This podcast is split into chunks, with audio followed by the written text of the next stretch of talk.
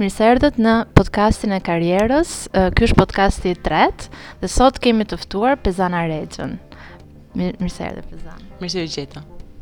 Pezana është sipërmarrëse dhe është vetëm 31 vjeç dhe pasi ka mbaruar studimet për arkitekturë në 2010-ën, ka filluar një uh, sipërmarrje, ka marrë përsipër diçka uh, që unë nuk do të thoja është e lehtë.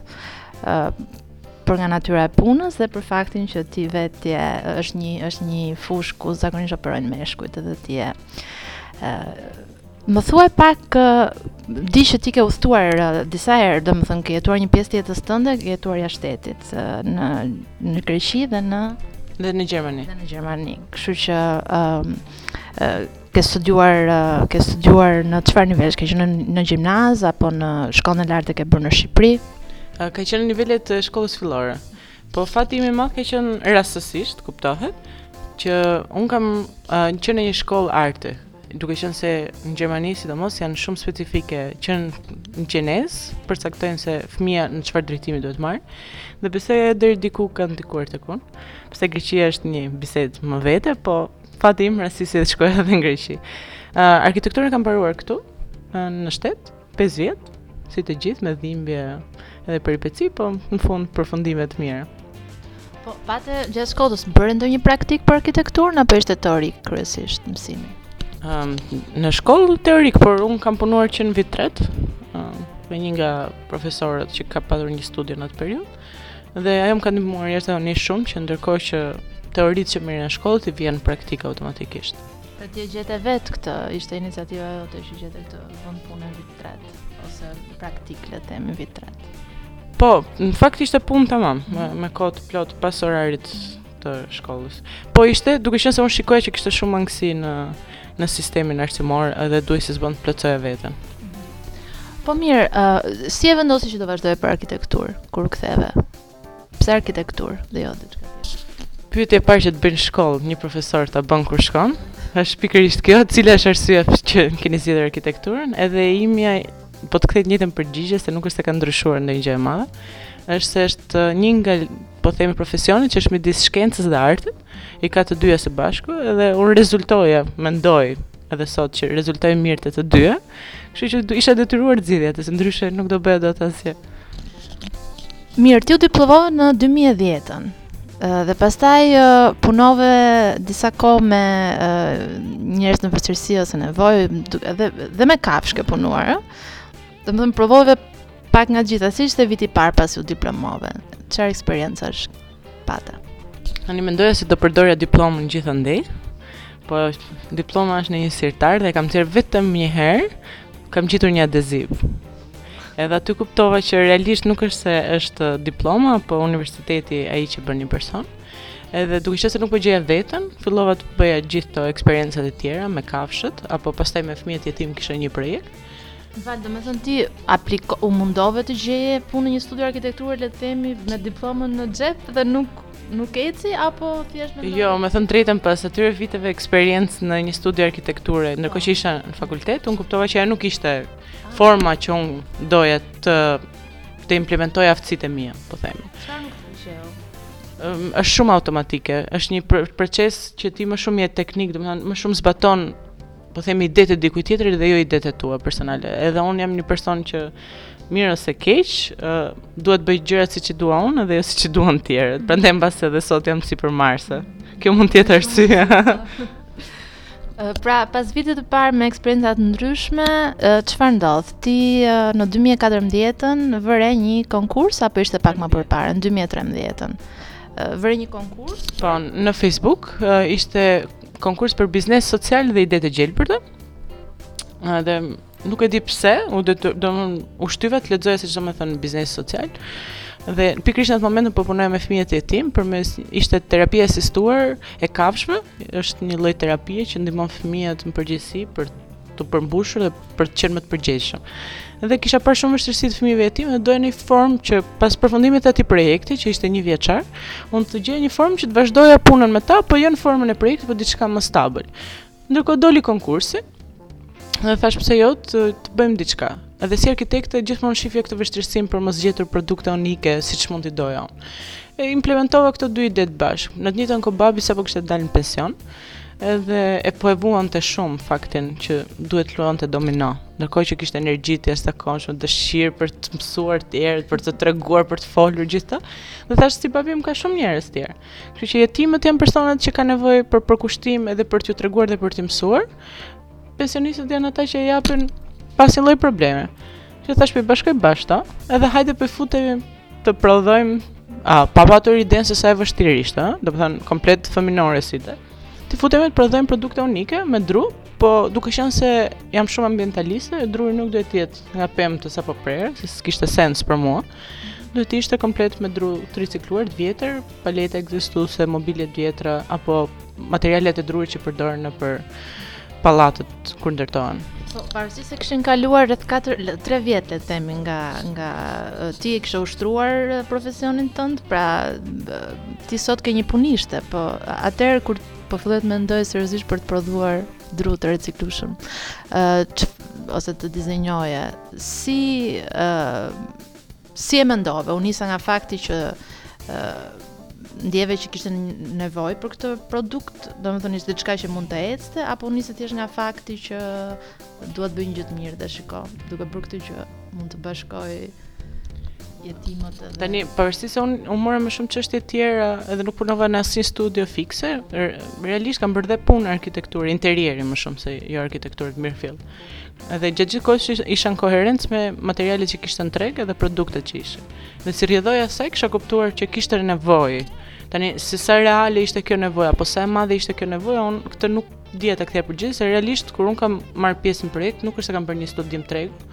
E gjitha ka qenë në një eksperiencë personale dhe në varësi të eksperiencës personale, mendova se si unë ka shumë njerëz të tjerë, sidomos të rinjtë, ose çiftet e reja kanë nevojë të mobilojnë shtëpitë me një kosto të ulët, Dhe mendoj se kjo është një filozofi shumë e mirë për për ta nisur të paktën. Mm -hmm. Dhe kështu nisi, mora pjesë në konkurs, as e mendoja se gjithmonë me idenë që konkurset janë pak të manipuluara, të gjitha. Po, fituam. Dhe morëm ca para që unë munda të bleja ca pajisje që realisht nuk ishin as të duhurat ato gjitha, mm -hmm. sepse unë nuk isha në dijeni 100% të gjithë procesit. Kështu filluam të rritemi. A more një ambient apo si? Ëm te ke zyra që jemi sot, këtu e kemi nisur. Okej. Okay. Kjo ishte punishte. Atëherë imagjino si mund të ishte kjo punishte. Këtu kemi ndenjur rreth 3-4 muaj. Pastaj filloi puna me një hov të jashtëzakonshëm. U detyrova të zgjeroja ambientin, merrja më shumë staf, blija më shumë pajisje. Por po ndërkohë fituam dhe një projekt tjetër në Ballkan. Si gjete staf? Në fillim ishte shumë e vështirë, kam gjetur uh, me kontaktet që kisha përmes projekteve, por um, tani jam lidhur me zyrën e punës ose me gazetën Çelësi ose njoftime.com, domethënë praktikisht shkruaj kudo dhe derisa vjen një person sipas kërkesave të mia. Uh, sa persona drejton ti sot? Mund ta them kështu. Do të them numër real apo të regjistruar. Të regjistruar jemi 8. Ok, që ta shpjegoj pak, ne këtu jemi ullur në zyrë që thua ti, po kjo është gjysëm showroom, gjysëm punishte, dhe vetëm kompjuterat e bëjnë pak si zyrë, po shumë ambient interesant, i gjithi i mobiluar me, me lëndë druri, me bibliotekë të, të ndërtuar nga vetë ju. Shumë i këndshëm. Pastaj ka edhe një punishte në anën tjetër të qytetit, te 5 Maji. 5 Maji. Ku uh, aty prodhohen mobilet që Uh, më thuaj pak për këtë skuadrën që ti fillove të ngresh dhe sa e vështirë ishte fakti që ti ishe pikërisht femër që uh, drejtoje punimet në një punishte. Në fillim ishte shumë e vështirë, po unë nuk e kuptoja nga më vinte e keqja, i them unë. Edhe vazhdoja, përpiqesha, luftoja me ta, i mundohesha t'i sillja, t'i drejtoja. Nga, ku është problemi, ku është problemi? Nuk të dëgjonin, nuk ecte puna, nuk reagonin ose kur reagonin reagonin keq. Edhe pastaj fillova, thashë ku çalon. Edhe kuptova që çalimi ishte që këta kaposhët Nuk kishin patur ndonjëherë një pulë t'i drejtonte, e kupton? Si t'ja bëj, si t'ja bëj, e mendova, reflektova, po kishte kaluar një vit e gjysë. Një vit e gjysë ka qenë ekstrem i vështirë. Un po, ekstrem i vështirë. Se un edhe duke qenë se e kisha shumë seriozisht sipërmarrjen, por se është sociale, un fund fare mendoj që ky është biznes edhe që të mbajë gjithë ata njerëz, duhet të sjellë të ardhur. Nuk ka rëndësi sociale apo jo. Dhe thashë, Puna qenka keq, si do ia bëjmë, mendova, reflektova, thashë unë do të punoj si këta. Madje duhet t'u tregoj që kjo pula ka ca muskuj më shumë edhe ca mend më shumë se sa gjelat që kisha aty vërdallë. E fillova të punoja me ta në sharrë, në montim. Gjithandej dhe e panë që unë isha më e fuqishme, edhe fizikisht, edhe mendërisht, edhe aftësitë e mia rriteshin me hapa galopantë dhe u bëra shumë më e mirë se ata. Jo për të lavdruar veten, ëh.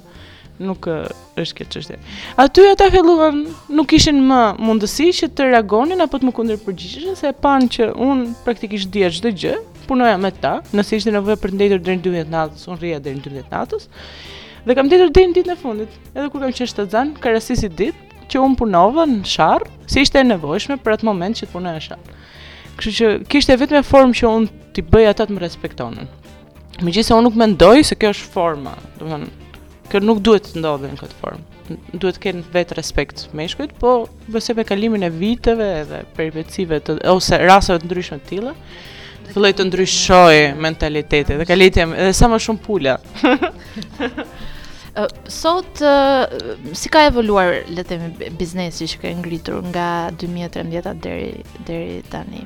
Pra, forma e porosive, zgjerimin në në personel, Çfarë vizioni si e shikon Design by Pana, që është dhe website që për gjithë ju që na dëgjoni dhe jeni kurioz, është akoma po ndryshon? Po po ka ndryshuar brandi.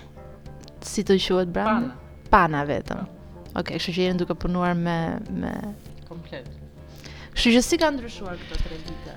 Dy vitet e para kanë qenë, po themi, eksperiment për të parë dhe cilat janë produktet që kërkohen më shumë, cilat janë porositë që sjellin më shumë të ardhura apo um, porositë që unë kam më shumë qejf të merrem. Në fillim kam qenë vetëm unë edhe çunat në punishte. Um, por erdhi një moment që unë u ezaurova madje edhe në për të menduar nuk isha më e aftë nga lodhja e jashtëzakonshme se takohesha me klientët punoja në punishte uh, bëja projekte domethënë praktikisht çdo gjë kalonte për ktheja përgjigje email-eve çdo gjë kalonte përmes meje por ishte e momentit edhe pa aftësi pa mundësi më mirë për të patur njerëz të tjerë në staf Ndërsa sot është e organizuar komplet ndryshe sepse ka njerëz në zyrë të cilët mundohen të marrin përgjegjësinë më të madhe të atyre punëve që unë bëja. Dhe pjesa ime është më shumë, po themi takimi i parë me klientët, zgjidhja e projektit në ide, takimi me klientin pasi ideja është e implementuar, kontrolli në punishte cila është ecuria e produkteve. Domethënë i kam ulur përgjegjësitë e vetes me mundësinë që t'i jap Panës e para të ketë më shumë team brenda vetes, se Pana nuk është unë. Nuk duhet të jetë unë, edhe kur specifikohet si Pezana, unë nuk është se e kam qef. Duhet të jetë një komunitet ku secili jep nga vetja. Dhe e dyta, sepse shikoj një vizion pak më larg, edhe dëshira ime është që produktet që ne prodhojmë këtu të shkojnë jashtë kufive të Shqipërisë. Dhe që unë të merrem me këtë çështje, duhet t'i lejoj vetes të kem pak më shumë kohë të lirë. Kam përshtypjen se duhet të jetë e vështirë për uh, për një sipërmarrës të gjejë stafin e duhur të besueshëm dhe të dhe të aftë.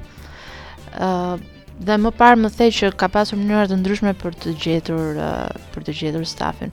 Po nga shkollat profesionale ke pasur uh, eksperiencë, çfarë eksperiencë ke pasur me me nxënësit e përgatitur nga shkollat profesionale? Në fakt, uh, kam vetëm një nga shkollat profesionale që është Person me aftësi të kufizuar, ai ka bërë kurse më përpara.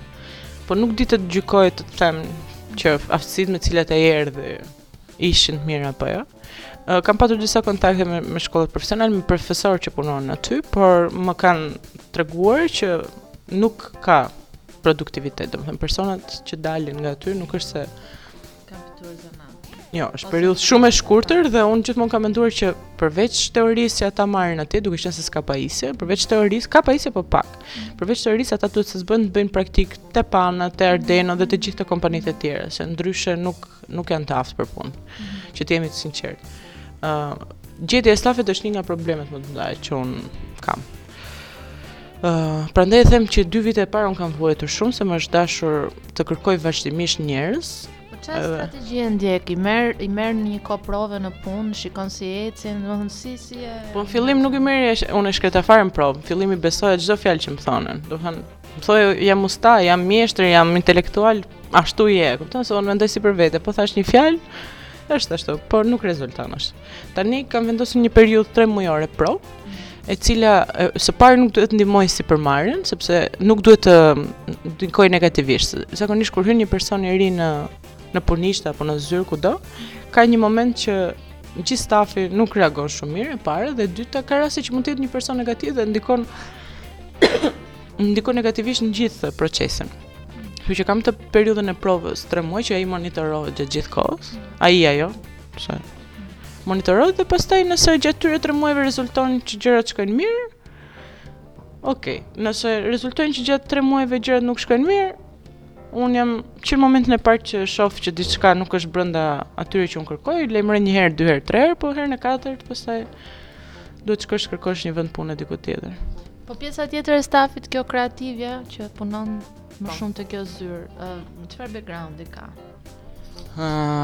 Background-i është nga më të ndryshmet, arkitekt, inxhinierë, informaticien, prezantues televizioni, kemi një inxhiniere aerospaciale këtu në mes që është më çmen më nga ne. Inxhiniere aerospaciale. Ha, është më atë që me tituj më kështu, po është motra ime në fakt. Po tani duke qenë se unë kisha nevojë për ndihmë, ë, më ka ndihmuar në këtë periudhë në formën maksimale të vet. Domethënë çfarëdolloj është profesoreshë ndërkohë, po ndërkohë. Se këtë do pyesja, çfarë pune ka gjetur në Shqipëri me këtë degë?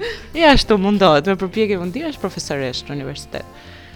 Kështu që jemi jashtëzakonisht shumë të ndryshëm dhe kjo ka bërë që të jenë dhe personalitete shumë të gjithë po themi kokën lart dhe shpesh konfliktohen, po unë mendoj që dhe kjo po të jetë e mirë përdorur është produktive. Po. Domethënë gjithmonë në masat e duhura, sikur tepron, tepron. Me me këtë eksperiencë që ke fituar këto vite, çfarë do këshilloje një sipërmarrësi të ri që është në hapat e tij të para? Do të bëjë diçka po s'di a duhet ta bëjë apo e bën dot? Pra dikush që po e mendon të nisë diçka. Duhet ta mendojë mirë. Se të jesh një sipërmarrës, është një nga, unë mendoj që është ka vështirësi të jashtëzakonshme brenda vetes dhe vetëm nëse ti e do vërtet shumë në një environment si Shqipëria, në një mjedis siç është biznesi në Shqipëri, duhet të jesh shumë i vendosur, shumë fleksibël, duhet të kuptosh gjatë gjithë kohës trendin e tregut Dhe duhet të jepesh me mish e me shpirt. Nëse dita ka 24 orë, ti duhet të punosh 34 orë. Në të kundërt nuk ka për të ecur. Ose ti do bësh një biznes mediokër, do punojë 6 muaj, një vit, nuk e di se sa dhe pastaj do përfundojë dhe do zhgënjehet dhe nuk do marrë më iniciativën për të bërë diçka tjetër më vonë. Duhet ta ketë, pastaj risku është brenda se ne mund të flasim sot bashkë Pana po funksionon, po pas 2 muajsh, një viti mund të të them që Pana nuk po ecën se tregu nuk e do më këtë produkt. Dhe kjo është më se normale. Po ti domethënë të gjithë duhet ta dinë që risku është brenda, por nëse ti ke dhënë maksimum, pastaj s'ke asgjë për çfarë të mërzitesh. Po avantazhet se për shembull uh, unë e di që ti sapo sapo ke lindur një djalë apo jo. Jo? Një gocë. S'ka asgjë, si çun, mos u mërzit. Nuk mërzitem fare. Edhe uh, besoj që duhet të jetë uh, nga një anë uh, absolutisht një sfidë shumë e madhe që të kesh gjithë atë përgjegjësi vetë, uh, dy përgjegjësi shumë të Po nga ana tjetër ti vetë ke kompaninë tënde dhe ndoshta mund ta planifikosh pak më mirë ditën. Më flit pak për këtë pjesë. Pra ti je sipërmarrëse, nënë e re. Po. Ke shumë sfida në S'e kisha menduar një herë, se tani më, më thërrasin gjithë mami Dorës, u bëra mami Dorës, por Dora 20 ditëshe vetëm. Uh, Ajo që, domethënë, të jesh sipërmarrës, të gjithë mendojnë se ti mund të shkosh me pushime kur të duash, mund të bësh çfarë të duash. Po e vërteta nuk është kaq e lehtëshme. Po. Ti ndërkohë mund të vërtet mund të shkosh ta caktosh pushimin 15 maj, po që të arrish të kesh pushimin 15 maj, duhet të kesh bërë një gjë të jashtëzakonshme më përpara. Domethënë nuk është kaq e lehtë sa mendohet. Unë tani e kam luksin. Ja kam e, e bëra të mundur që të kem luksin dhe mundësinë që të kem edhe diçka edhe një sipërmarrje të dytë, siç është bebi. Edhe i kam krijuar kushtet që janë persona të tjerë, stafi, sidomos i zyrës që më zëvendësojnë mua. Nëse unë nuk do kisha kapacitet qoftë ekonomik apo mos ta kisha krijuar në kohë këtë ekip, nuk do i kisha të mundur. Dhe nuk e di se si do e kisha bërë, mbase mund të ishte mbyllur sipërmarrja. Domethënë janë momente delikate, Që ose ti e çon përpara një sipërmarrje ose e lën mbrapa sipërmarrjen dhe shpreson për një gjë tjetër. Po mirë, akoma ke po aq qef sa ç'kishe kur e nise këtë punë? Apo akoma më shumë qef tani që ke konsoliduar?